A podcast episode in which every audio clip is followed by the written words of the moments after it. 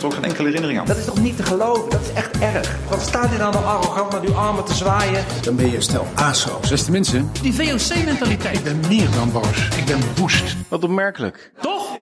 Welkom bij alweer de 22e aflevering van de Politieke Popcorncast. De podcast waarin wij, Paul Peters en Stijn de Vrede, de leuke, grappige, maar vooral popcornwaardige momenten uit Politiek Den Haag bespreken. Ehm, we zijn weer terug. Ja, Ehm, gelukkig wel weer. Gelukkig wel weer. We hebben weer eh, genoeg zooi en, en, en drama verzameld eh, om, een, eh, om een hele aflevering te vullen. Ehm, ja, ik zou zeggen, laten we maar meteen beginnen. Stijn, jij hebt vast een popcorn moment meegenomen. Ja, ja en eh, ook best wel een eh, leuke. Ik, ja, we hadden het de vorige aflevering ook nog uitgebreid over D66 gehad.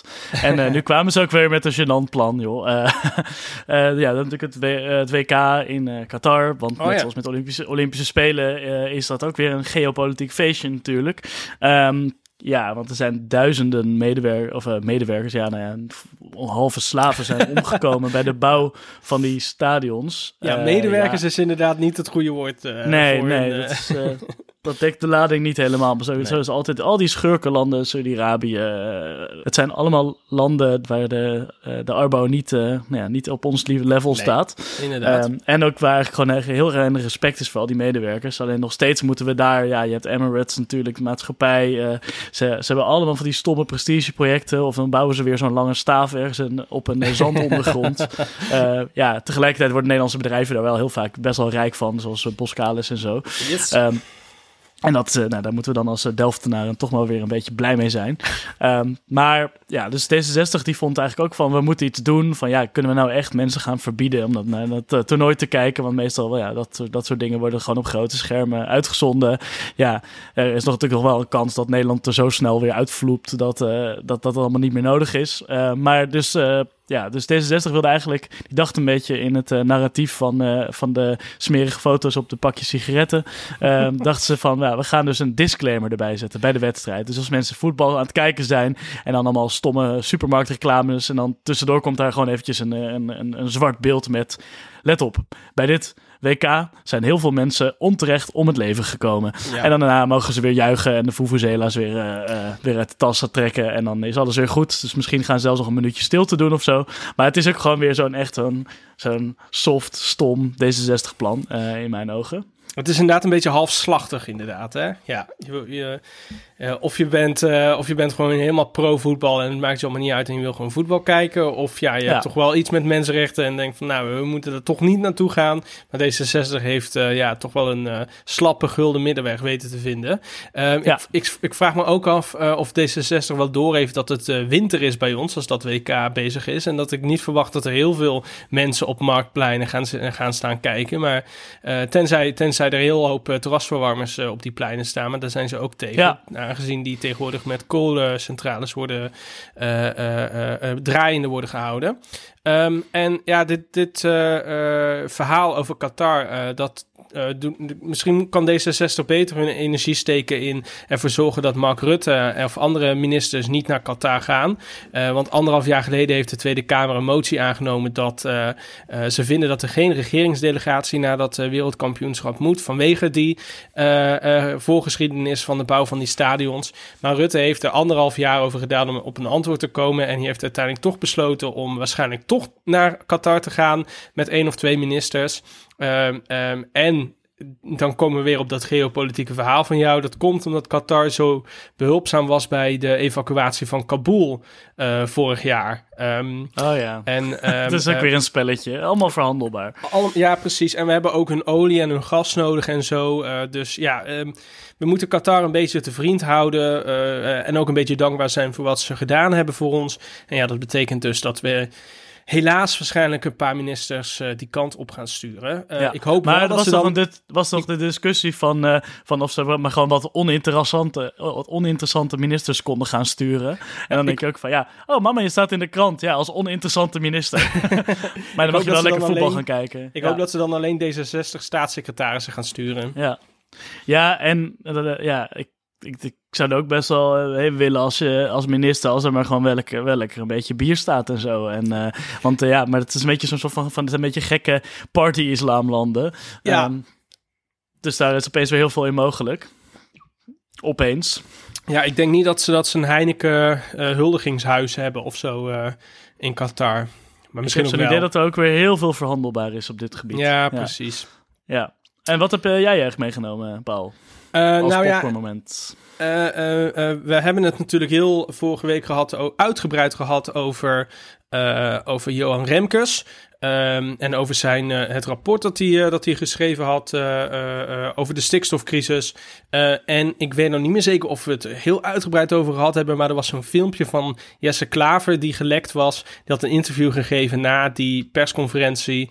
Ehm, en hij had niet helemaal door dat de live-uitzending al was afgelopen. En toen heeft hij dus eh, na afloop, hij dacht privé tegen die eh, eh, journalisten, ja, toch wat pikantere uitspraken gedaan dan dat hij in die, in die live-uitzending had ge- gezegd. Hij zei van, ja, we moeten gewoon, voordat alle boeren de, de, het rapport echt gelezen hebben, moeten we,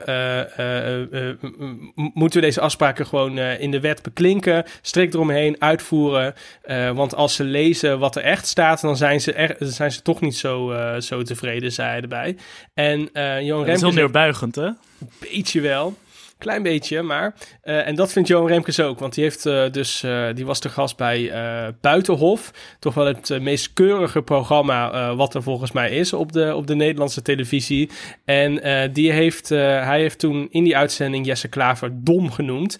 En hij vindt het onjuist om dit soort dingen te zeggen, want boeren doen ertoe. Hij noemde Klaver ook een verstorende factor. Ehm, eh, eh, ja, groot belangrijk onderdeel van zijn rapport was natuurlijk dat het vertrouwen van de boeren eh, de afgelopen jaren enorm weggegleden is. Ja. En dan, Ja, en eh, natuurlijk een dikke sneer, hè? Natuurlijk naar, eh, naar de polariserende taal van... Ja, vooral D66 was het natuurlijk. Ja. Eh, maar ik bedoel, dat, daar heeft Klaver natuurlijk ook een handje van. Ja, precies. Eh, nu kunnen we dat van Klaver iets minder serieus nemen, omdat eh, GroenLinks natuurlijk niet in het kabinet zit en D66 wel.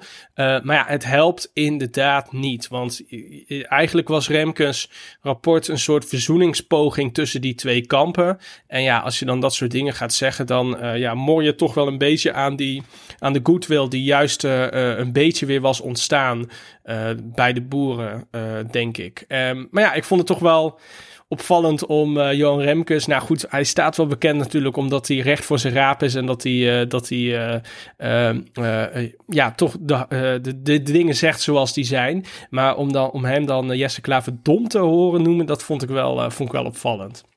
Ja, en dan in dat keurige buitenhof. eh, Ja, precies. zeker. Ja, wij maken deze podcast natuurlijk helemaal gratis en dat vinden we hartstikke leuk om te doen. Maar het heeft natuurlijk wel wat kosten die zich eh, met zich meebrengt. Ehm, dus wil je eh, onze eh, podcast nou steunen, vind je dit nou, eh, vind je nou leuk om elke week naar ons te luisteren, dan kan dat tegenwoordig op Vriend van de Show. Het kan al vanaf 1 euro, dus eh, ja, wil je, eh, wil je ons steunen, ga dan naar vriendvandeshow.nl slash politieke popcorncast. De link staat in de show notes, dus ehm, ehm, ja... eh, je krijgt, eh, ja, wat, wat krijg Bedankt voor uw kleingeld. Ja, bedankt ja. voor je kleingeld, inderdaad. Ja, ja. Je krijgt een shout-out in deze show als je, als je, als je doneert. En eh, alvast bedankt.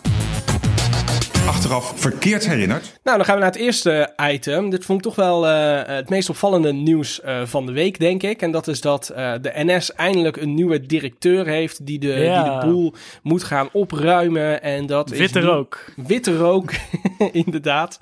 Eh, dat is niemand minder dan Wouter Koolmees. Die is eh, aangesteld eh, om eh, ja, de nieuwe CEO te worden van de Nederlandse spoorwegen.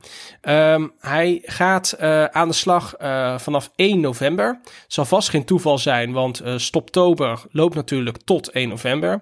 Ja. eh, ja, ik, ik denk dat, dat snel eh, de rookcoupés weer worden geïntroduceerd in de treinen als, als Koolmees aan het, aan het roeren komt. Ehm, Nou ja, dat is toch wel fijn, want dan weet ik tenminste zeker dat er misschien nog een beetje ruimte is eh, in de treinen. Want dan weet, weet ik zeker dat jij in ieder geval niet in die rookcoupé gaat zitten. Precies, ik ga die, absoluut, ik ga die helemaal vermijden, absoluut. Ja. Ehm, ja, Wouter Koolmees, eh, ik heb er wel vertrouwen in, eerlijk gezegd. Hij was, Ja, eh, maar hij was ook echt wel echt een, eh, een, een, een vrij goede, goede minister. Eentje die echt wel zijn zaakjes allemaal netjes op orde had. eh, ja, en, en dat, ja, het is wel echt een, eh, een, voor mij ook een hele sympathieke vent. Ja, absoluut, Ja. dat denk ik ook, zeker, ja. Ja, Eh, nou ja, hij- en wat ik wel, eh, wat ik wel heel leuk vond, was dat eh, Connection eh, deze ochtend even een bus heeft geofferd om de NS te feliciteren. Ja, en dat vind ik dan wel altijd wel heel erg grappig. Dat, eh, dat, ja, het werd een beetje ook gezien als een soort van public transport battle van de Ja. trein versus de bus.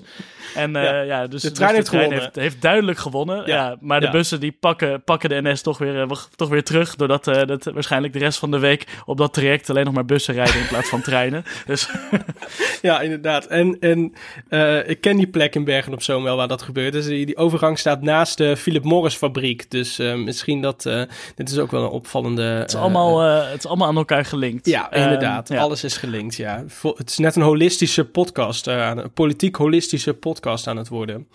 Ehm, Maar- Maar niet iedereen was natuurlijk even blij met, eh, met eh, een vrij politieke benoeming. Net Nee. Zoals, eh, ja, het is best wel vaak dat, dat afgedankte of nou ja, uit functie getreden D66'ers ergens weer op, hoge, op hoge posities komen. ja, bij, ja, bijvoorbeeld bij het CBR, ik noem maar een plek. Ja, precies. Instituten waar dingen niet lekker lopen. Er waren heel veel mensen wel enthousiast, net zoals wij. We hebben er wel vertrouwen in. Maar er was ook één iemand, één iemand in het bijzonder die niet, niet ons enthousiasme deelde. En dat was SP-Kamerlid Renske Zij ehm tweette naar aanleiding van dit nieuws het volgende. Ehm, hij is natuurlijk aangesteld omdat hij zo ontzettend veel verstand heeft van treinen. eh Uh, tussen haakjes. emojis. Eh, boomer emojis, een trein en een eh, lachende, op zijn kant liggende eh, emoji. Eh, zo had hij ook al ontzettend veel verstand van sociale zaken. Eh, boomer emoji, boomer emoji, hashtag banencarousel. Dus eh, ja, Renske die ging wel eh, lekker tekeer eh met de hashtags en met, eh, eh, eh, met de boomer emoji. En ehm, eh, ja, ook wel weer grappig dat dan zo'n uiterst linkse partij eh, de talking points van Forum voor Democratie overnemen met eh, hashtag banencarousel. Ja, ik zag ook Ehm. inderdaad alleen maar likes van, eh, van dierenplaatjes en stripfiguren. Ja. ja. De, de, de standaard Forum voor Democratie fans op dat sociale medium.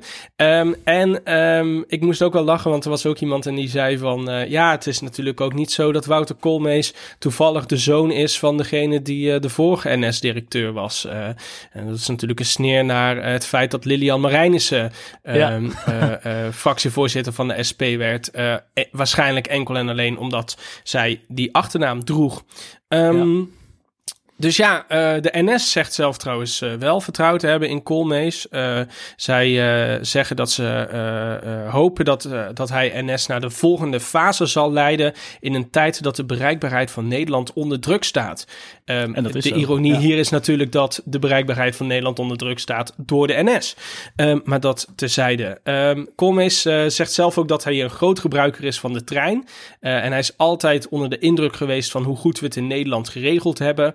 Dit zijn twee zaken die recentelijk niet helemaal eh, verenigbaar met elkaar zijn. Maar goed, eh, ik denk niet dat hij onlangs in de trein heeft gezeten. Anders dan zou je dat laatste niet zeggen. Ehm, eerste klas eh, is, is het leven natuurlijk anders. Hè? Dat is waar, ja, ja. ja. ja, inderdaad. Nou, het- zelfs de eerste klas heeft een trein nodig die rijdt. Hè? Dus, Dat is eh, zeker waar. Ja, inderdaad. En ja, Koolmees zegt dat hij een voorliefde heeft voor ingewikkelde dossiers. Hij heeft bijvoorbeeld het pensioenakkoord gesloten toen hij minister van Sociale Zaken was. En hij heeft toen ook een keer gezegd, want dat heeft natuurlijk ook zo'n ellenlange reeks aan, aan onderhandelingen die, die eindeloos door, eh, doorlopen en zo. En Ja. toen heeft hij ook een keer gezegd ambtenaren. Een hele hoop ambtenaren, een hele hoop belanghebbenden. En heeft toen ook een keer gezegd van... eh, ja, we gaan hier uitkomen, al moet ik in een tutu op het plein dansen. Ik doe het als het nodig is.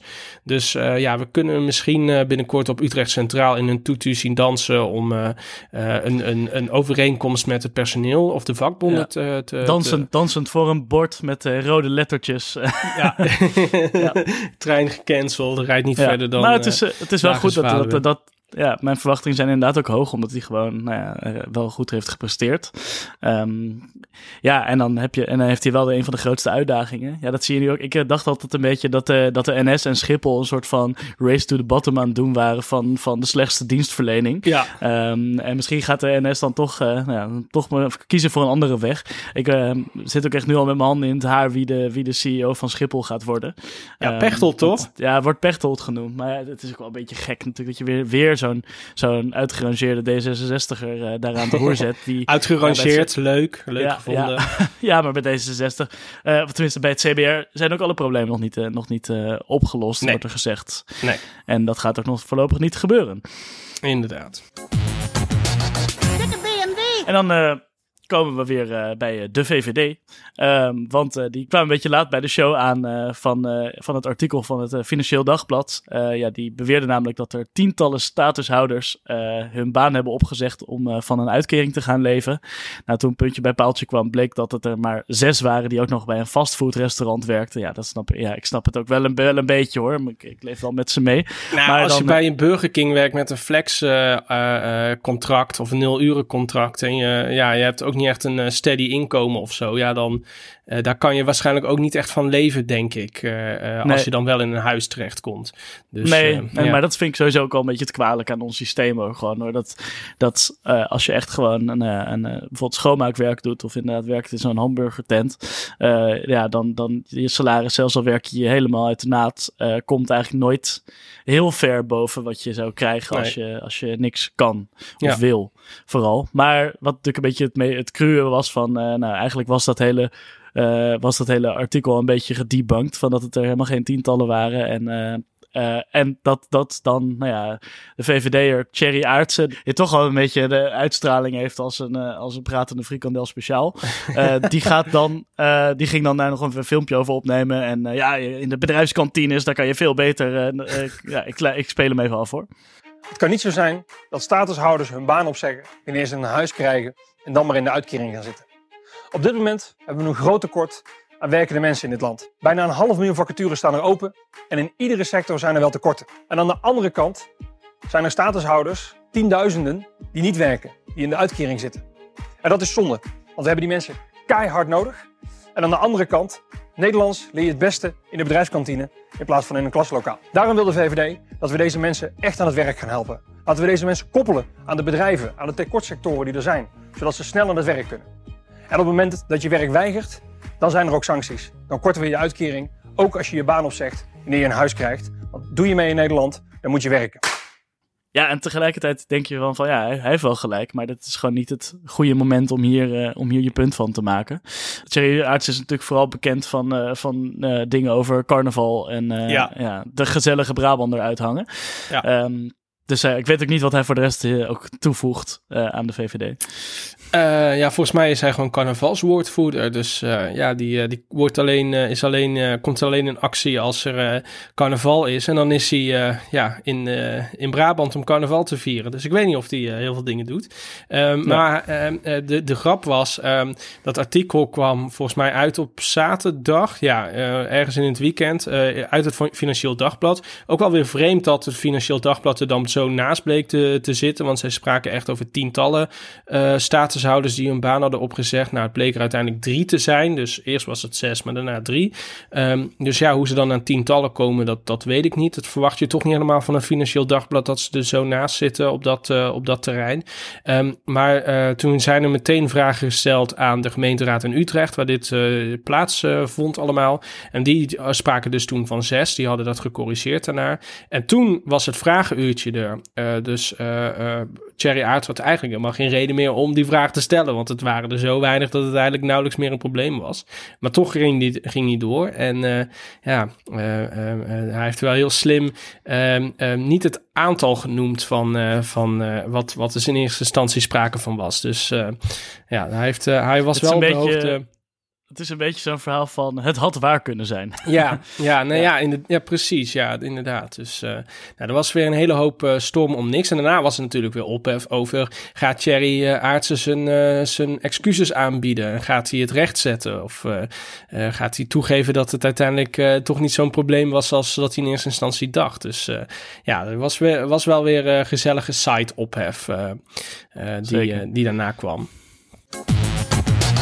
smakeloos. Ja, en dan uh, terug van weg geweest. Ad Melkert, uh, wie kent hem niet? Uh, die, ja. dat was natuurlijk de fractievoorzitter, of so, sorry, de PvdA-lijsttrekker toen tijdens de verkiezingen van 2002. Um, um, die heeft, ja, eigenlijk, die doet nauwelijks interviews geven over zijn tijd. want hij was natuurlijk de arch nemesis van Pim Fortuyn.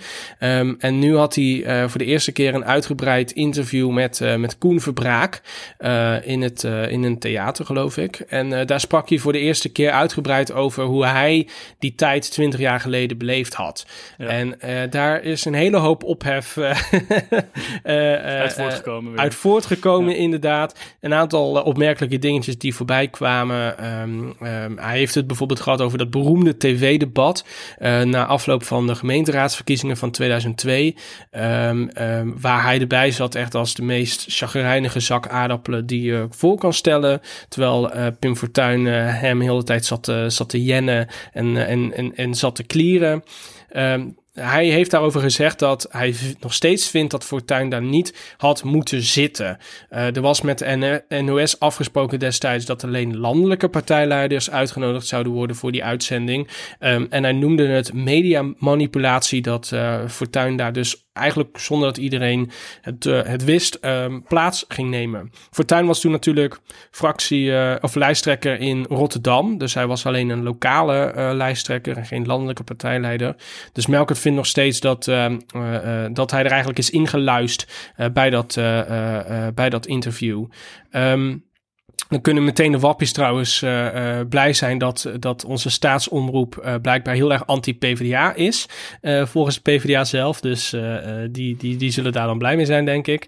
Ja, Ehm, gewoon even de slachtofferrol weer even uitrollen. Hè? Ja, Dat is, inderdaad. dat is meestal, meestal gebeurt dat in de wappiehoek natuurlijk. Ja, Ja, en eh ehm, eh, eh, eh, Melkert had er ook over dat alle media destijds in Nederland Fortuyn eh hadden uitgeroepen als hun darling. En dat ze hem eigenlijk al met, eh, ja, met eh, fluwelen handschoentjes aanpakten. En eh, ja, dat, dat eh, Melkert een soort van, ja, een beetje de boeman was geworden in dat, in dat hele verhaal. Dus ook weer lekker, lekker het slachtoffer uithangen. ja. Ehm, en wat, wat het meeste ophef veroorzaakte was het feit dat Melkert Fortuyn de voorloper van Trump noemde. Ehm, omdat ook hij volgens hem een eh, eh, goed gevoel had voor wat er speelde in de onderbuik. En dat wist om te zetten in media-aandacht en uiteindelijk ook stemmen. Eh, en dat leverde wel dusdanig veel ehm, ophef op op Twitter dat eh, ehm, eh, eh, eh, ze, noemde, ze noemde Melkert allemaal rancuneus en dat hij niks geleerd heeft in die twintig jaar. Ehm, ja, volgens mij. ja, don't talk about the dead. Dat is Ja, dat is eigenlijk het, wat ze zeiden. Het Ja. verhaal hierin. En Ja, ook wel grappig ik denk dat. natuurlijk ook wel, eh, ik denk ook wel dat, dat, dat de serie, eh, natuurlijk het jaar van Fortuin, eh, heeft ook, heeft ook eh, gezorgd dat, dat dit natuurlijk naar voren, en natuurlijk samen de podcast van, eh, van NRC. Ja. Ja. ja, er was ook gewoon wel echt veel aandacht voor. En eh, ik heb echt genoten van die serie, eh, van al die, eh, die politieke figuren waar je nu af en toe ook nog wel eens wat van hoort. Eh, daarin werden geportretteerd. En natuurlijk hoe Melkert natuurlijk eigenlijk werd neergezet als een beetje een saaie, saaie zak hooi. ja, maar wel een, Ehm, ja. wel een lieve man. Zo werd hij Ja, hij werd overgezet als lieve man. Ja, eigenlijk werd, Fortuyn in die serie ietsje meer als rancuneus eh, ja, neergezet. Maar het is ook, die acteur, het is het ook niet helemaal gelukt. Maar ik denk ook dat het niemand zou lukken om hem echt te zijn. Want ja, ik zit ook wel eens te genieten van die oude beelden van Fortuyn. En van de manier hoe hij praat en, en de sneren en zo. Het is wel heel leuk. Ja, en het is ja, ook moeilijk. ja. Het is wel echt eh, een. eh, de- hij zorgde destijds wel voor de politieke popcorn eh, in, uit, uit, in de politiek, inderdaad. Ja, want Ja, terwijl dat nog de- helemaal niet te gaande was eigenlijk. Nee, nee, de rest was allemaal zo saai en grijs en, en er gebeurde eigenlijk niks. Eh Pim Fortuyn heeft de politiek wel een beetje leuk gemaakt, dat moeten we wel zeggen. Ja. Ehm, en ik, wa- waar ik het allerhardste om moet lachen, was dat Melkert vertelde dat toen hij dus gestopt was als fractievoorzitter, omdat de PvdA dus 22 zetels of zo had verloren na, in, in 2002. Toen had hij zich ingeschreven bij zo'n bureautje waar je dan sprekers kan boeken, weet je wel. Hè, de, de, eh, ja, heel veel oud-politici Ja. doen dat dan. eh, dan gaan ze in het sprekerscircuit. Ja, Balkenende en zo. eh, Balkenende dus bijvoorbeeld. Nog steeds voor, voor een paar, paar, paar, flinke bedragen kan je die nog een keer inderdaad op je, op je sessie langs laten komen. Ja. Precies, nou, dus... Wanneer ben je jarig, Paul? 7 januari. Ik, ik kijk uit naar een lezing van Jan-Peter Balkenende. Ik hoop heel erg dat hij ook een, eh, een skateboard meeneemt. Ehm, maar Melkert vertelde dus dat hij dus ook met dat idee zich had ingeschreven bij zo'n bureau. En eh, vervolgens is er nooit een boeking binnengekomen. dus het is blijkbaar was het heel erg nat dan om, eh, om Ad Melkert als spreker te hebben op je stomme e- bedrijfsevenementen. Ehm, maar ja, ergens ook wel weer zielig voor hem, want ja... Ik vond het wel een mooi detail. Ja, het, het zat hem allemaal niet mee. Dat is, Nee. dat is, nee, en daarna is ja. hij naar, naar Het Irak hem- Het zit hem gegaan. nog steeds dwars. Ja, het zit hem nog steeds wel. Hij is daarna naar Irak gegaan als speciaal VN-gashand. Een beetje wat eh, Janine Hennis nu ook doet. En daar heeft hij ook een, een aanslag overleefd. Dus ja, het is, hij heeft, hij heeft daarna toch nog wel een, een, een, een spannend leven gehad. eh, op sommige fronten in ieder geval. Ze likken naar boven. Ja, we gaan het toch maar eventjes hebben over de Juice-kanalen. Zeg maar, nou ja, de, de roddelmedia zonder verantwoordelijkheid. Ehm, ja, en natuurlijk dan moet je het ook hebben over eh, Yvonne Kolderweijer. Ja, want die heeft een soort van masterplan eh, dat ze ooit Rutte met iets wil betrappen. Eh, Ja. Maar wat natuurlijk het een beetje het, het, het, het, het rare is, is dat zij natuurlijk totaal niet in die politiek zit. En eh, daar eigenlijk, je ziet ook alles wat ze erover zegt, is gewoon echt best wel, ja, dat, dat slaat best wel de plank mis. Eh, want zij heeft ooit een keer met, haar, met die stomme watermark opdruk, eh, Mark Rutte die een biertje drinkt met iemand op het terras gefotografeerd en dan dat gebracht als scoop. Maar Zo ja, van, dit die- is een nieuwe date of zo. Of dit is, ja, eh, precies. Maar ja, eens- juist heel cryptisch eh, van, eh, oh, het zou misschien wat kunnen zijn. Ja, net zoals natuurlijk al die roddelbladen ook wel doen. Maar, ja, maar, maar dit was natuurlijk gewoon heel, ja, zonder context iets, iets droppen, geen verhaal vragen. Eh, Dit bleek een eh, ja. oud middelbare schoolgenoot van Mark te zijn. Ja, en die worden ook sa- vaker samen ook gezien eh, op, eh, Hmm. op een terras. Want ja, dat moet toch ook gewoon prima kunnen. Ja. Ja, maar dat was eh, de reden waarom we het nu eh, hierover wilden gaan hebben, was dat, eh, eh, dat Eva Jinek eh, in de talkshow eh, had ze Joost Vullings, een, een soort Haagse Yvonne Kolderweijer eh, genoemd. Ehm, en toen zei eh, ja, Joost Vullings, die zei van dat het onmogelijk is om, eh, om over hem juice te maken, omdat het er gewoon niet is. Ja, Ehm, ja, en wat, wat natuurlijk een beetje het, eh, het, het grappige is, van ja, er, wordt ook wel eens, er zijn ook wel eens mensen die denken dat die, dat die Joost Vullings ook de, de Haagse insider is. oh ja, Ehm, is het zo? Ja, ik heb die, Hmm. dat, die, die roddel wel eens gehoord, maar ik, ja, je kan je ook niet echt checken. En de Haagse insider zit er ook heel vaak naast. Terwijl, ik, ik heb die Joost Vullings heb ik ook wel gewoon hoog zitten. Ja. Ehm, maar eh, ja, Yvonne Kolderwijs had dus eh, zelf gereageerd van dat, ze, dat ze nog meer op eh, Rutte Juice wil gaan, ja, Hmm. wil gaan focussen. En ik heb zo'n idee dat, dat, dat Rutte, die weet dit waarschijnlijk ook wel. En die zit, zit hierover te grinniken van, denk van ja, het zal wel. Ja, en eh, ja, dat is een beetje het gekke van die Juice-kanalen. Van, ja, die zijn gewoon compleet afhankelijk van random mensen die, eh, die hun, eh, hun moment of fame willen hebben. Of eigenlijk niet persoonlijk bekend willen staan, maar ja, ophef willen doorsturen. Ja, de spionnen. Dus gewoon iedereen met een smartphone en een camera, die kan, die kan daarbij meehelpen. En natuurlijk, ja, en zij strijkt gewoon geld op voor allerlei premium dingetjes. Ja, ja, dus de mensen die, die de beveiliging van de correspondent.nl doen, dat, die, die werken eigenlijk dat voor Yvonne Kolderweijer. Eh, ehm, maar ja, er is inderdaad eigenlijk wel heel erg weinig Rutte-juice. Ja, het enige wat we misschien een keertje gehad hebben, is dat hij eh, op een bootje met eh, Jort Kelder aan het varen was. Dat is eigenlijk een beetje het enige wat we eh, van juice, wat we over Mark Rutte uit zijn privéleven hebben gehad. In de twaalf jaar dat hij premier is geweest. En dat er misschien een klein beetje een, ja, een soort ongemakkelijke overlap is tussen onafhankelijk journalist en, en op één presentator Jort Kelder plus Mark Rutte.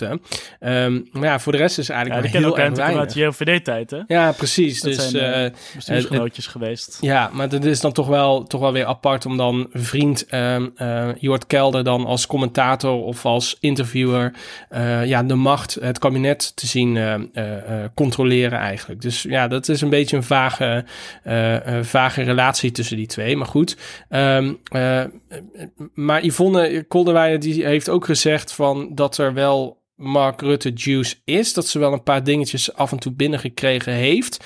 Ehm, ze, had ook iets gezegd van... ja, als je inderdaad gaat wachten tot Mark Rutte een vriendin krijgt... dan kun je inderdaad heel lang gaan wachten.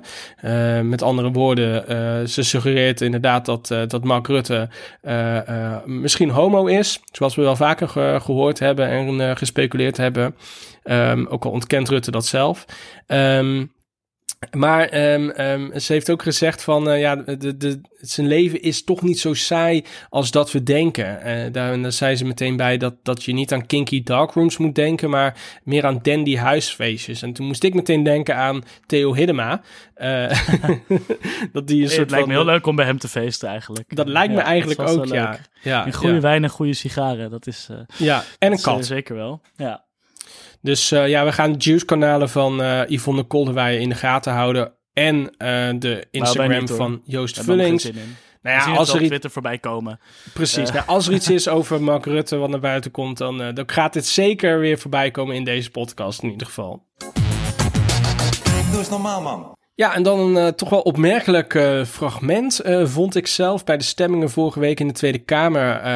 ging Caroline van der Plas een stemverklaring afleggen, zoals dat vaker gaat. Het, was een, het betrof een motie van Forum voor Democratie over het MKB en daar gaan we nu even naar luisteren. Voorzitter, ik ben de groene en rode bolletjespolitiek helemaal zat. Als je ergens tegen een motie stemt, dan is het kijk, zie je wel, ze willen jullie weg hebben. Eh, in dit geval als MKB gaat over de motie 105 van de heer Dekker van de Forum voor Democratie. Ze willen jullie weg hebben als, allemaal, als MKB. Het is allemaal deel van het grote plan. En dan stem je maar mee. Omdat je die shit niet over je heen wil krijgen. Maar ik ben er helemaal klaar mee. Ik ben daar helemaal klaar mee. Ik ben deze Twitter-moties helemaal zat. De Forum zit niet bij debatten. Komt hier even binnenrennen. Doet dan even een motie. Ehm, Graag de stemverklaring, mevrouw De Van Plas. stemverklaring Niet uitlokken van is inderdaad, collega's. sorry. Ja. Daarom, ik stem voor het MKB. Ik stem tegen de motie van FVD. Ehm, dus ik stem tegen motie 105. En we moeten stoppen met deze Twitter-moties. Dank u wel. Oh, wat eh, leuk. Ze heeft ook echt een handgeschreven briefje eh, bij zich. Oh, dat had ik niet eens gezien. ja, nee, vind ik even. Maar eh, ja, dus de, de Twitter-moties. En dit is ook wel een, een eh heibelpunt. Eh, Ja, ik vind eigenlijk, ze heeft, ze heeft heel erg gelijk. Eh, Vind ik ook. Het enige waren is dat, het niet- dat, dat BB BBB eh, drijft in, in populistische saus natuurlijk. Nou, volgens mij, ja, ik kan me, ik kan me geen, ik heb gezocht, ik kon geen specifiek eh, voorbeeld vinden, maar volgens mij heeft eh, Caroline van der Plas zelf ook wel, wel eens zo'n ehm, Twitter-motie geplaatst om daarna vervolgens inderdaad op Twitter te zetten. Zo van, kijk eens eventjes wat, wat, wat de coalitiepartijen nou doen. Dus ja, ik ben blij dat, dat Caroline van der Plas ehm, eh, van mening is veranderd en dat het inderdaad niet hoort. Eh, want het is wel echt heel, heel vermoeiend altijd hoor. Dan heb je zo'n. Want eh, die tweet is dan zo'n scr- screenshot van de stemmingsuitslag. Hè? Dus je hebt de titel van de motie. En dat, dat, dat klinkt dan vaak van ja, hoe kun je daar tegen zijn? Maar ja, als je dan vervolgens als partij daar tegen stemt, dan is het van waarom haat jij het MKB? Of waarom haat jij carnaval? Of waarom Ja. haat jij de oliebol? Ja, of, of vooral gebeurt het ook heel vaak dat er, dat er al een vergelijkbaar voorstel, maar dan wat meer in lijn is van met, de, met de partij, al ligt. Eh, en dan ga je ook natuurlijk niet met zo'n motie meestemmen. Of eh, wat dacht je van de PVV-motie met asielprofiteurs? gewoon het woord asielprofiteurs al in je motie zetten. En dat je gewoon weet welke, groene, welke bolletjes groen gaan oplichten. Eh, Ja, Het- gaat er inderdaad ook om hoe de, hoe de motie geformuleerd is. eh, of, of het een onzinmotie is omdat het al beleid is, bijvoorbeeld. Ja, dan ga je er ook niet voor stemmen. Want ja, waarom zou je? Het is al beleid. Maar ook inderdaad, eh, de, de, zo'n motie is altijd opgebouwd uit overwegingen. hè. En als er in één zo'n overweging iets zit waar je het misschien niet helemaal mee eens bent, dan deel je de analyse niet. Ja, dan, dan, dan kun je als partij zeggen van nou, eh, we, we, we steunen deze motie niet omdat die niet 100% klopt. Ehm, Ja. ja. en dan, dan, dan kan de titel nog zo sympathiek lijken. Dan, dan, dan lijkt de tegenstemmende partij de boeman. En daarom zie je ook steeds meer dat partijen stemverklaringen gaan, gaan, uh, gaan, gaan, uh, uh, gaan doen voor de stemmingen. Zo van ja, we, hebben deze we leggen uit waarom we tegen deze motie stemmen. En ja, ja dat zorgt dat ook alweer voor... disclaimer, toch? Ja, eigenlijk is het een disclaimer, disclaimer inderdaad. Het klinkt, klinkt alsof het door D66 Amsterdam is bedacht. uh, nou, het is gewoon de volste recht voor Kamerleden om, uh, om, om die af te geven. Maar ja, soms heb je een, nu zie je dus ook wel weer dat je echt een wildgroei aan stemverklaringen hebt. Dus die stemmingen ja. die al tering lang duren omdat de 20 fracties uh, stemmen, uh, duren nu nog langer omdat iedereen ook nog een stemverklaring gaat geven. Dus uh, nou, ik, ja. ik, ik hoop inderdaad dat het uh, afgelopen moet, is met, met, met de Twitter-moties, maar ik vrees toch wel dat dat, dat, dat niet het geval is. En dat ja, heel veel partijen... in het hele social media tijdperk is dat gewoon is het nee, allemaal wat, het wat anders. Dit had ja. je natuurlijk niet in de jaren tachtig en zo. Nee, nee, dat dit zo. Nee. En ook moties waar natuurlijk gewoon, ja, die werd gewoon allemaal uitvoerig overlegd dat je eigenlijk al precies wist wat er ging gebeuren. Ja, ja en nu zijn, zijn het eigenlijk gewoon, gewoon Instagram sessions. Dus uh, mijn ja, voorstel is dan, is dan dat gewoon de, iedere partij gewoon per dag gewoon eventjes 10 minuutjes krijgt om bij het spreekgestoelte een Instagram filmpje op te nemen. en dat die stomme moties gewoon niet uh, hoeven. Ja, dan mogen, kunnen ze daar gewoon even een leuk filmpje van maken en dan Ja, het zal al in de tijd schelen, inderdaad, ja. Nee, maar het aantal moties is ook echt explosief gegroeid, hè, de laatste, laatste jaren. Dus, uh, ja, en het kost dus heel veel geld. En vergeet natuurlijk ook niet uh, dat, er, uh, ja, dat er gewoon een gigantisch tekort aan FTE's is per Kamerlid ja. om overal mee bezig te zijn. ja, we hebben nu natuurlijk uh, Okje Tellegen. Die is uh, overspannen uh, gestopt. Of met, in ieder geval met een, met een burn-out. Die heeft daar een, best wel een nette, uh, ja, nette verklaring over gegeven. In mijn ogen. Waar ze gewoon echt heel duidelijk maakt waar het, waar het zeer zit. Ja, ja en dan heb je ook bijvoorbeeld. ja, ik zag dat Huub Bellemakers van GroenLinks. die, die had daar ook over getweet, getweet van, van ja, dit is gewoon heel duidelijk duidelijk een geval van wat dit is wat er kan gebeuren. Als ja. je gewoon te weinig, uh, te weinig medewerkers en te, te weinig ondersteuning als Kamerlid uh, hebt. Uh, ja, dan raak je toch wel snel overspannen als je je werk een beetje goed doet. Ja. Um, ja. En dat is en... wel een, een, rode draad hierin. Een enorm probleem, want het zie, je ziet het steeds meer de afgelopen jaren. Um, maar ja, um, ik denk dat heel veel partijen en Kamerleden inderdaad zoiets hebben van we moeten die daarvan af. Maar tegelijkertijd is de verleiding ook wel uh, vaak te groot om er zelf niet aan mee te doen. Maar um, hopelijk, uh, hopelijk staan ze allemaal wat steviger en principiëler in hun schoenen uh, op dit vlak. Er komen tribunalen. Nou, dan uh, hebben we weer onze uh, wekelijks, of in ieder geval terugkerende WAP-date. Yes. Um, ja, want we hebben weer een, een, een nieuwe, uh, een nieuwe kelder ontdekt in, in de teloorgang van Thierry Baudet. Oh, wat dan? Um, ja, die is nu begonnen over reptilians. en dat is natuurlijk, ja, dat is, dat is in de, in de iceberg of conspiracies is dat wel weer een vrij, vrij diep. weer een trapje hoger, ja. Weer een trappetje, ja, la nee, ja lager, lager, ja, lager, ja, ja. Het gaat allemaal omlaag. Um, ja, de, de reptilians, dat, zijn, uh, ja, dat is een complottheorie van dat er een soort van reptielachtige uh, nou ja, de, de aarde controleren. Het heeft allemaal weer met, met deep state te maken, maar het is een beetje, het is een beetje uh, op het level van, um, van de Pizzagate. ja. ja. En dat, volgens mij ligt het ook een beetje weer bij elkaar van over een, een elite pedo-elite die kinderen opeet en uh, allemaal smerige dingen mee doet. En dan, nou ja, daar zit het natuurlijk altijd weer, weer de, uh, de Clintons zitten er allemaal weer achter en zo. Ja. Um, en Trump ja, die probeerde en, tegen te gaan. Ja, en, uh, en eigenlijk is... en eigenlijk is Poetin in hun ogen is, een, de, is de, ja, de Don Quixote die, uh, die, die probeert de, de, globalistische elite te bestrijden. En daarvoor moet hij heel erg worden bedankt.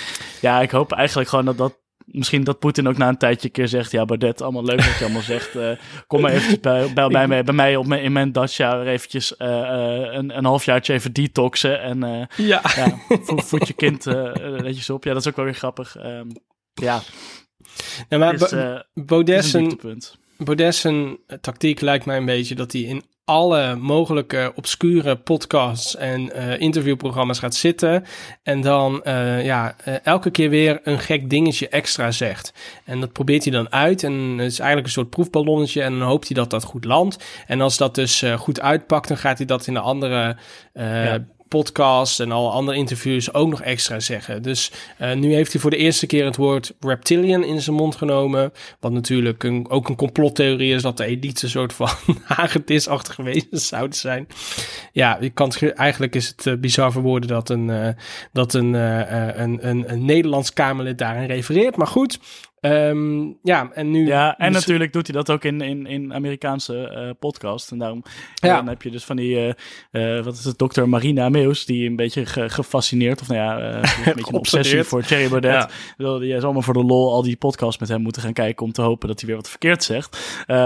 maar en die, in Amerika uh, is, de, is, de, is de conspiracy business nog veel groter. Uh, daar ja. kan je ook, als je conspiracy een beetje goed aanpakt, kan je gewoon na een tijdje van je donateurs een privéjet kopen. Ja. Dat wat Baudet misschien ook wel gewoon wil. Want ja. dan uh, hoeft hij niet meer naar de IKEA. Nee. ja, was gespot in de IKEA, geloof ik, hè? Ja, en was ook nog door, door een fan, geloof ik. Uh, ook dus nog? Was, ik vond het, het was een beetje een Yvonne Kolderweijer uh, plaatje um, van hem. Uh, met, het was echt een ontzettend schattige foto trouwens. Hij heeft ja. die, die, die, baby heeft hij heeft die op zijn op op buik. En die heeft van die mega grote, echt super schattige schoenen aan. Ja, en dan ga je dus, en dan ben je in de, in de Ikea. En ik had eigenlijk verwacht dat, dat de, de kinderkamerinrichting van Lancelot toch wat meer bij anti-cares vandaan kwam en niet bij ja. de Ikea. Ja, ja, inderdaad, ja. Nee, inderdaad. De, eh, IKEA associeert toch niet helemaal met de esthetische smaak van, eh, van, eh, van Baudet. Ehm, dus ja, dit zou heel erg ver- verrassen. Het- Ik zou heel raar opgekeken hebben als ik door een IKEA loop op weg naar de Zweedse gehaktballetjes en dat je opeens uh, Thierry Baudet tegen het lijf loopt. Ja, ja inderdaad. Ehm, en dan was er nog iets, geloof ik, hè? Ja, nou ja, het, gaat ook eigenlijk met FVD eh, niet zo heel erg goed, heb ik, het, eh, heb ik het idee. Ze staan ook in de peilingen op drie zetels. eh, en, en dat is nou ja, vrij slecht. Ik denk ook als, als, als er weer een lockdown zou komen of als, als corona zeg maar echt weer extreem gaat oplaaien, dan zal het wel weer omhoog schieten. Ehm, ja, eh, ze hebben dus nog maar drie, drie zetels. En ik dan denk dan ook van ja, blijkbaar als de loyaliteit een beetje afneemt, dan gaat het ook niet goed met de leden. Ehm, en daarom eh, hebben ze eh, iets nieuws bedacht. namelijk een soort van piramidespel. Dat jij geld kan krijgen als jij iemand lid maakt. Ja. Ehm, jij krijgt geloof ik, jij krijgt geloof- ik ook het, e- het eerstejaarsbedrag zeg maar, van, die van, de, van die betaler, zeg maar, van het nieuwe lid. Krijg je dan over, over, overgemaakt als je dus iemand erbij betrekt. Ja. Nou, dat is wel. Ja, eh, zouden, de mensen, zouden de mensen echt intrappen? Eh, Ik, eh, ik, ik denk het wel. Ja, ja dus ik denk Ja. dat er altijd over alles wel een, een, een, een, een gek voor te vinden is. Deed me Ja. trouwens ook wel denken aan, aan ehm, dat eh Forum voor Democratie nu ook verschillende levels lidmaatschappen heeft. Eh, je hebt bijvoorbeeld een, een, een bronzen vriend van FVD. Dat kost dus die 12,50 euro per maand extra, geloof ik. Dan krijg je dus een donateurs nieuwsbrief, een gesigneerd boek en vastleen toegang bij events. Dan heb je ook nog een, een, een zilveren eh, vriend ehm, ehm, level. En dan kun je eh, een bezoek aan de Tweede Kamer krijgen. Plus persoonlijk contact met FVD. Eh, en als je echt te veel geld hebt, dan kun je voor 1000 euro per jaar een gouden FVD-vriend worden. En dan krijg je er een VIP-welkomstcadeau bij. En ik neem aan dat dat dus een IKEA-product is. Ehm, Plus een eh, eh, uitnodiging voor het jaarlijkse partijdiner met partijprominenten. Eh, dus ja, als je geld over hebt, dan kun je, kun je, daar, kun je daaraan besteden. Als je zin hebt in een dinertje met, ja, wie is een partijprominent van Forum voor te- tegenwoordig nog? Pepijn alleen, denk ik. Ja, Pepijn van Houwelingen. Ja, dat zijn natuurlijk de beesten zijn alweer weg, hè? Ja, hè? Theo Hiddema is Ja, weg. ja, dus eh, nee, daar, die, die, daar kun je niet meer mee din- dineren, Nee, helaas. Dat is wel jammer, dat, dat had ik wel gewild. Maar Ja. Nee, helaas, dan ga ik eh, toch maar voor het zilveren lidmaatschap. eh, Ja, of voor het dandyfeestje wat hij af en toe doet. Ja. Ja, zeker. Ja, en dan gaan we toch wel denk ik naar het hoogtepunt van de afgelopen week. En dat is de downfall van eh, de nieuwe Britse premier Liz Truss. Het is nog maar zes weken geleden dat ze aangesteld is. Hè, zodat ze naar Balmoral reisde om het eh, handje te geven aan de queen... die daarna de Ja. volgende dag dood was. Geen goed begin. kan wel vertellen, ze was wel de laatste en dat is ook wel cool. Toch? Dat is waar, ja. ja ze is Ja, officieel de laatste premier van... Dat eh, zij, van- zij is de hekkensluiter van het lijstje waar, eh, waar Churchill mee eh, in, het begin staat. Nou, dat is, Dat toch is wel- waar. Dat is wel cool. En daar is Boris Maar- Johnson heel erg jaloers op, dat weet ik zeker. Ja. maar daarna is het alleen nog maar slechter gegaan. Ja, je kan het nu haast niet voorstellen. maar Liz Truss die is dus nog maar zes weken premier. Twee weken daarvan is dus in beslag genomen door die rouwperiode. Dus is eigenlijk nog maar net een maandje echt eh, aan de macht. En ja, ze heeft zo'n enorme puinhoop van het Verenigd Koninkrijk gemaakt. Dat hou je niet voor mogelijk. Ze heeft, omdat ze dus een nieuwe premier is, heeft ze een nieuwe eh, ja, begroting ingediend. Een tijdelijke begroting. Eh, en ja, daar stonden dus dusdanig veel rare plannen in dat ze eigenlijk de financiële markt om zeep heeft geholpen. Ehm, ze heeft eigenlijk wat heet Liz-Economics in eh, geïntroduceerd. Eh, eigenlijk een soort eh, nieuwe vorm van trickle-down economics. Een enorme belastingvoordeel voor de superrijken. De vennootschapsbelasting ging omlaag. Ehm, eh, en dit allemaal in combinatie met een enorm steunpakket voor mensen die de energierekening niet meer konden betalen. En dat leverde zo'n gigantisch gat in de begroting op dat eh, de- ja, de financiële markten in paniek raakten. De- daardoor eh, crashte de pond, eh, obligaties, Ja, staatsobligaties, de rente daarvan rees de pan uit. En dient ten gevolge ook de peilingen van de conservatieven. Want er is nog nooit zo'n groot gat tussen Labour en de conservatieven uh, uh, uh, in de peilingen gekomen. Het scheelt geloof ik 33 zetels. Dus, Ja, blije, blije Jeremy Corbyn geluiden. nou, die is al weg, maar eh, Ja, gelukkig wel. als die er was, dan eh, weet ik niet wat de peilingen hadden gedaan. Maar ehm, ja, eh, het, is, eh, het is allemaal niet best. En dan was er ook nog een momentje dat eh, Truss weer voor de eerste keer op audiëntie ging bij Charles. En daar gaan we nu even naar luisteren. Just this one, sir. Prime Minister, Your Majesty. Your Majesty. Lovely to see you again. Oh, it's a great pleasure. Anyway, now, I don't know how much they Liz is, is niet heel goed in curtsying, hè? Ze is nog Nee. slechter dan May erin eigenlijk. Die al, die al eh, zo'n buiging deed alsof ze een slecht getekende hakenkruis Ja. Maar, maar, Maar, ze, maar- kwam, ze kwam hier echt binnen alsof, eh, eh, ja, alsof ze net een, eh, een pak Optimal door de aula heeft gegooid en bij de deelschoolleider moet voorkomen, zeg maar. ja. Ja, en Charles die zegt, so you've come back again? Dear oh dear. dus die was ook niet heel erg blij om haar, Nee, eh, die, om die, haar te had- zien. die hoopt, hoopt inderdaad eh, iemand anders eh, kennis mee Ja, te ja, maken. ja, ja, ja. Maar dat gaat binnenkort wel gebeuren, toch? Nou ja, dat is wel... eh, ja, heel veel mensen verwachten dat wel. Want haar steun in- binnen haar partij is wel dusdanig erg aan het wegebben. En nog belangrijker misschien wel de steun van de kranten. eh, de Daily Telegraph, de Daily Mail, de Sun. Al die kranten, al die tabloids die, eh, die voorheen dus enorm pro-conservatief zijn. Die, die, die zijn enorm kritisch op haar. Dus eh, eigenlijk willen ze haar allemaal weg hebben. Dus het is eigenlijk maar een kwestie van tijd totdat ze weggaat. gaat. Ehm, en eh, nou ja, dat, die begroting zorgde dus voor dusdanig veel paniek en chaos dat eh Truss eigenlijk maar één ding nog kon doen en dat is de minister van Financiën wegsturen. Ja, Eh, jouw zo- schuld. dus jouw schuld, ondanks dat hij dus gewoon uitvoerde wat, wat zij waarschijnlijk, eh wat zij bevel toe had gegeven. Dat is, dus er is een nieuwe eh, minister van Financiën. Dat is de vierde van dit jaar. Kun je het je voorstellen? Eh, dat het zorgt niet voor.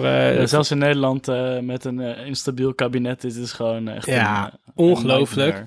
Precies, ja. Stel je voor dat, je, dat we vier keer van minister van Financiën waren gewisseld. Dat ja, geeft toch niet echt een stabiel signaal af, denk ik, naar, naar, naar de economie, naar het land en naar de financiële markten.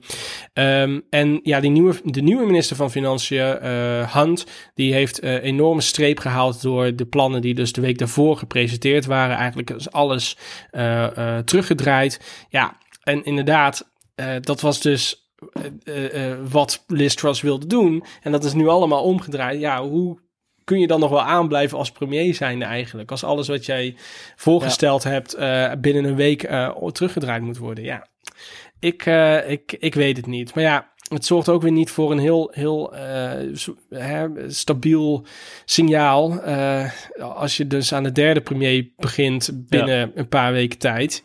Ja, eh, Ja, maar- ze hebben het ook een beetje beschreven als een, als een soort van AliExpress action versie van Margaret Thatcher. Ja. Ehm, ja. Ja, nee, ze is, een hele valse start gewoon aan het begin.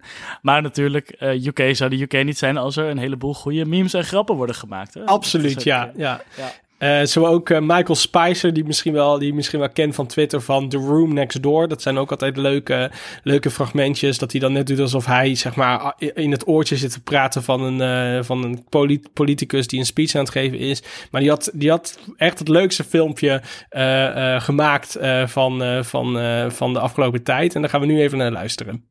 Well, the latest uh, from Downing Street is that Liz Truss is standing on a precipice. Um, I've been talking to a number of high ranking Conservative Party MPs uh, tonight, and they are telling me that they want her out and they want her out now. Um, one MP said to me, I don't care how she goes, but she has to go tonight. I will strap a rocket to her back and fire her into the Westminster sky myself if I have to. Strong words there. And another MP said to me earlier, I backed Liz in the beginning, but now she has to go. She's a balled up apron of disappointment and regret. Another Tory MP said, I hope a massive seagull picks her up and drops her in the middle of the Atlantic. She's an absolute Burke.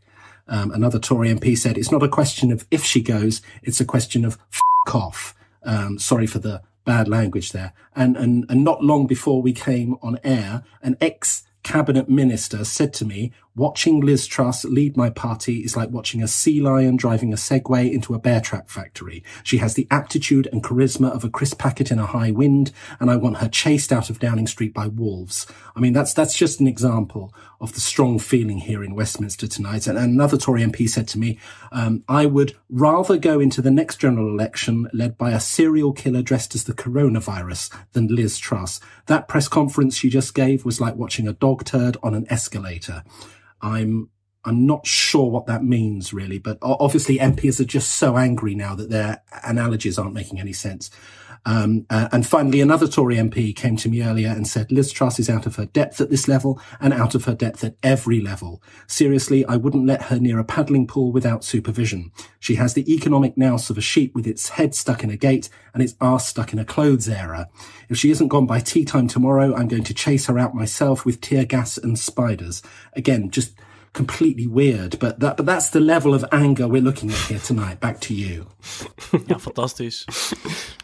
It's not a question of when she goes, it's a question of fuck off. Ja, nee. Uh, de, de, toontje die deze man aanslaat is echt perfect. Alsof hij inderdaad echt zo'n zo'n correspondent is die voor Downing Street staat. Echt, ik heb dit filmpje drie, vier, vijf keer gezien en echt uh, ja. elke keer weer lachen. Um, The analogies does not make any sense anymore. That just shows how angry they are. Ja, again, just completely weird. Ja. Echt fantastisch. Dus uh, ja, aan de ene kant uh, voor het land hoop ik dat ze snel weggaat. Aan de andere kant hoop ik dat ze nog aanblijft. Zodat we nog heel lang kunnen genieten van dit soort grapjes. Wat we ook zeker niet moeten vergeten om even te benoemen... is dat, uh, dat er nu een, een sla, een stuk sla aan het rotten is... ehm, voor een livestream. om te kijken of, of Liz Truss eerder opstapt... dan dat, dan dat die, die krop sla, zeg maar, bed gaat. Ja, dat was allemaal naar aanleiding van een artikel in, in The Economist. Uh, uh, daarin hadden ze ook echt een vernietigend commentaar over Liz Truss. En ja, ze, ze hadden dus over al haar, al haar al haar, uh, ja, de ramp die ze in de vier weken heeft achtergelaten. En ook nog mooi is natuurlijk dat als uh, dat zij nog echt nog maanden moet volhouden, of nee, het volgens mij 2,5 maand nog moet volhouden om de kortzittende premier ooit te worden. en dat mensen zich echt te denken van dat gaat ze echt niet volhouden. Dus het is. Nee, dus, ja. Dra drama. Ja. Maar, en wat natuurlijk uh, ook wel weer interessant is, dat mensen ook wel een beetje uh, aan het voorsorteren zijn op de, op de terugkeer van Boris Johnson. Ja, um, ja die, is, uh, die, die is natuurlijk nog steeds parlementslid. Dus die kan in principe gewoon nog premier worden als Liz Truss opstapt. Um, en ja, dat is ja, eerlijk gezegd eigenlijk uh, wel wat ik uh, verwacht had van Boris Johnson. Dat hij nog gewoon zit te azen totdat hij weer terug kan, uh, ja. kan komen. Maar dat het zo kort zou duren, dat, dat had hij waarschijnlijk nooit, nooit, nooit voor mogelijk gehouden, denk ik. Nee, ja. en er is natuurlijk ook wel een kans dat, dat die Tories ook juist zoiets hebben van... ja, laat die, laat die Boris Johnson maar lekker het weer doen. Die weet, die, weten, die weet hoe het werkt hier. Dan kan in ja. ieder geval, ik bedoel, misschien hem gewoon tijdelijk uh, om een beetje stabiliteit te creëren. En, uh, en dan uh, komt daarna wel weer, dan kunnen ze wel weer kijken naar iemand nieuws. Ja, het, dan zie je toch wel een beetje van dat het echt een beetje een Trump is.